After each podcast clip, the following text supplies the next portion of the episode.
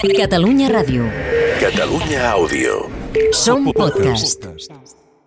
Al podcast 49 de l'univers MotoGP sentiràs Jorge Martín dient que s'ha plantejat la retirada aquesta temporada i l'Aleix Espargaró comentant la lesió de Marc Márquez, de cara a un cap de setmana del Gran Premi de l'Algarve en què podríem tenir campions de Moto2 i Moto3, la segona oportunitat per Acosta i la primera per Gardner.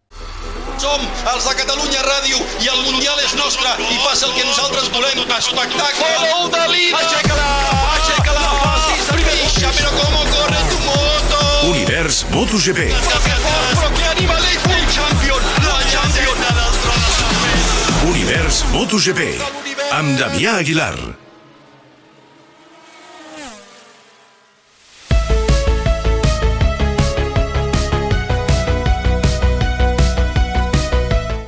Jorge Martín, rookie de MotoGP amb Ducati, torna a l'escenari de la seva pitjor lesió. El 17 d'abril va caure a l'FP3 del Gran Premi de Portugal i es va fracturar 7 ossos. Va haver de passar pel quiròfan i va perdre's 4 curses. Ha confessat que va plantejar-se la retirada.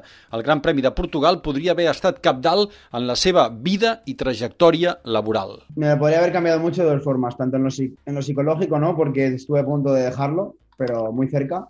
Y bueno, eso ya habría sido un cambio grande de, de hacer un podio en Qatar en MotoGP a dejar las motos, pues habría sido un cambio heavy.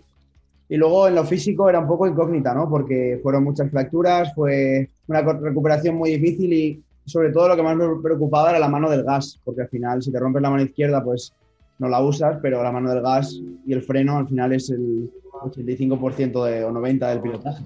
Martín explicava que quan va assabentar-se que es tornaria a anar a Portimao, els va dir al seu equip que preferiria tenir Covid.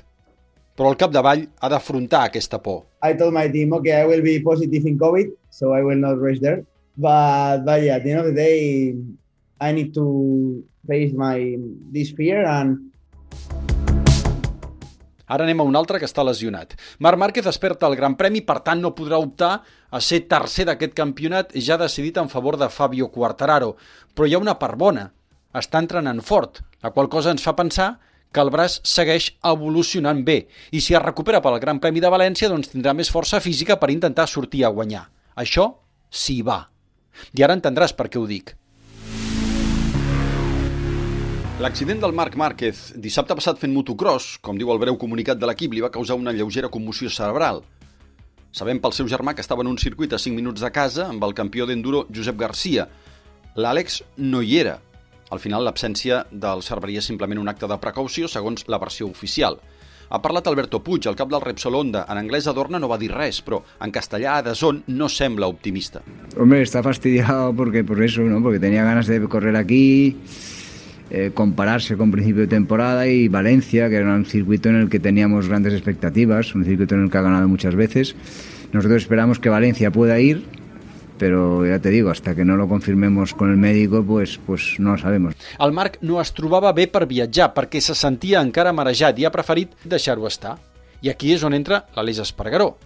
I per què s'hi fica l'Aleix Espargaró, pensaràs? Doncs perquè un periodista neerlandès li ha demanat específicament aquest dijous si estant en la mateixa situació hauria decidit quedar-se a casa o hauria viatjat a Portugal per passar revisió mèdica al circuit.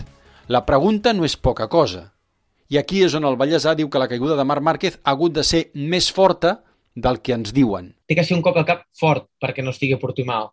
Coneixent el Marc i coneixent a tots els pilots d'aquest paddock, perquè el Marc no estigui corrent les últimes curses de l'any després de lo malament que ho ha passat amb l'ombro, és que té un cop molt fort. Això és la meva opinió, és el que jo penso, que la caiguda deuria ser realment forta. Sí, però que té que ser una commoció forta al final, perquè el que, el que jo crec que deu ser difícil inclús és que torni a, a València, perquè haurà passat quasi una setmana, el, di- demà divendres quan es puja amb la moto FP1 i no li ha donat temps de recuperar-se, és que ha sigut una, confusió, una, una commoció realment forta.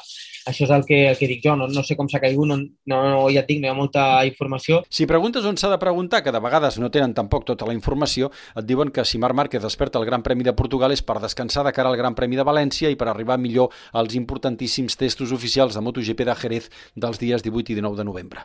Un test que serà vital per decidir la línia de desenvolupament i descobrir si Honda surt o no del pou, perquè després ja no agafaran la MotoGP fins a començaments de febrer a Mandalika. I si l'Aleix Espargaró té o no raó, ho sabrem dilluns o dimarts d'aquesta setmana entrant, perquè és quan Márquez s'haurà de fer proves per decidir si va o no a València. Univers MotoGP. I acabo aquest podcast amb aquests dos títols en joc, Moto3 i Moto2.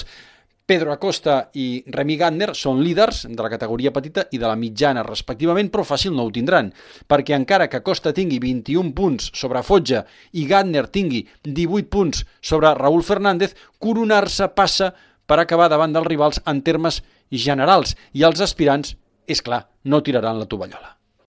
Catalunya Ràdio. Catalunya Àudio. Som podcast.